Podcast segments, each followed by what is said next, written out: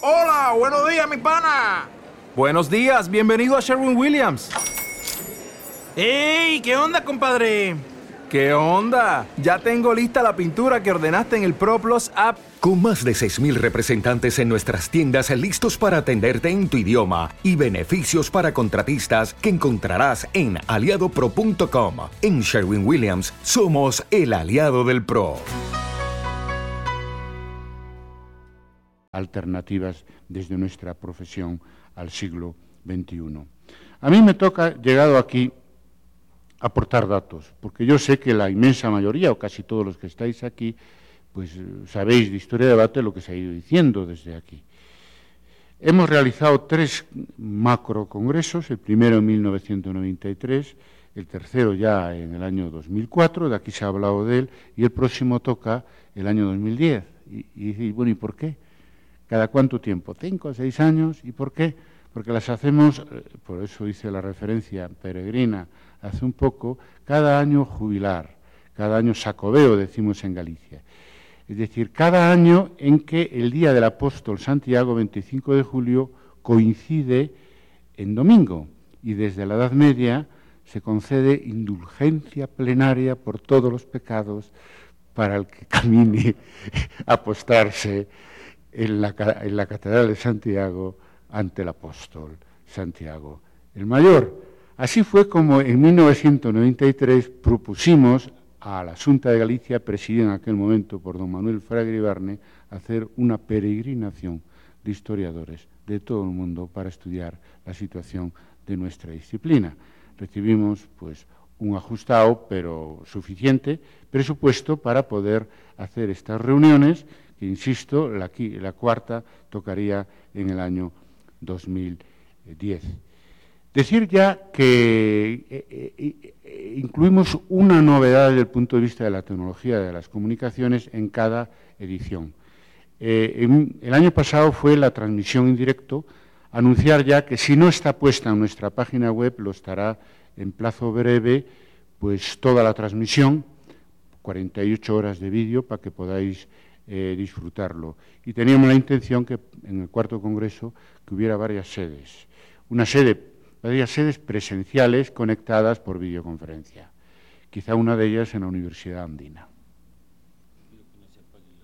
Es eh, decir que, que, la historia se acelera, pero historia de debate en la medida que responde a la necesidad de los historiadores de vivir en el mundo juntos eh, todo este, este, proceso histórico, historiográfico novedoso, pues eso lleva a que, por ejemplo, en el primer congreso hubo 45 entidades eh, colaboradoras y en el tercer congreso 430.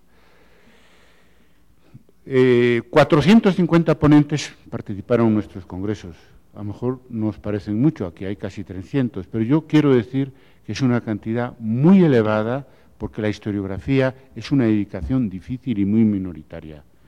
Y además nosotros lo ponemos muy difícil. Por ejemplo, en el último congreso ya no admitíamos eh, eh, balances historiográficos por especialidad, por temas, porque ya se habían tratado en congresos anteriores, ni que se repetieran temas.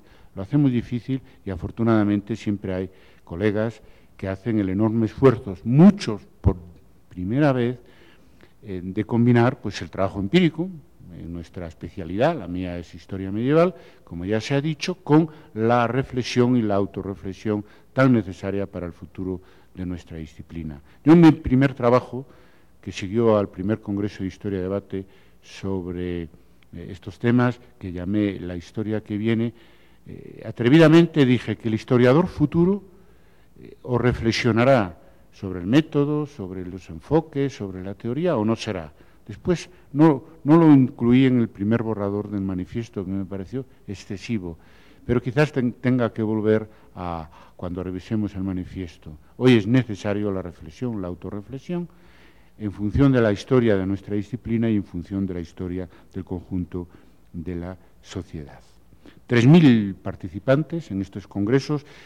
En nuestros congresos, por lo menos, participan historiadores españoles que no quieren llevar ponencia, eh, sino simplemente para participar en las discusiones, eso es habitual.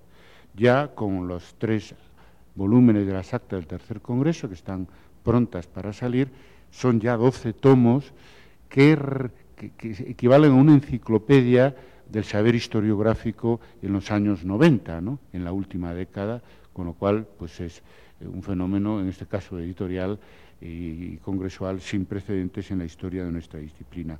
Han pasado por nuestros congresos pues historiadores muy conocidos vinculados a la Escuela de Anales, a la historiografía marxista, y como Roger eh, Chartier, como Jacques Le Goff, como John Eliot, Loren Stone, Enrique Florescano, y en el último congreso eh, me acompañaron, a mí me toca por obligación, eh, en las conferencias magistrales, Ciro Flamarión Cardoso, por América Latina, eh, André Gunder Frank por, por, el mundo, por el mundo, por Estados Unidos, por Alemania, por América Latina, y Etienne, Etienne Bloch, el hijo de Bloch, ya de una edad avanzada, que es su la, albacea de su obra, nos dio mucho gusto en el Palacio de Fonseca, desde el principio del siglo XVI, donde se fundó nuestra universidad, cantarle en pie a Marsellesa, a la familia Bloch, que además de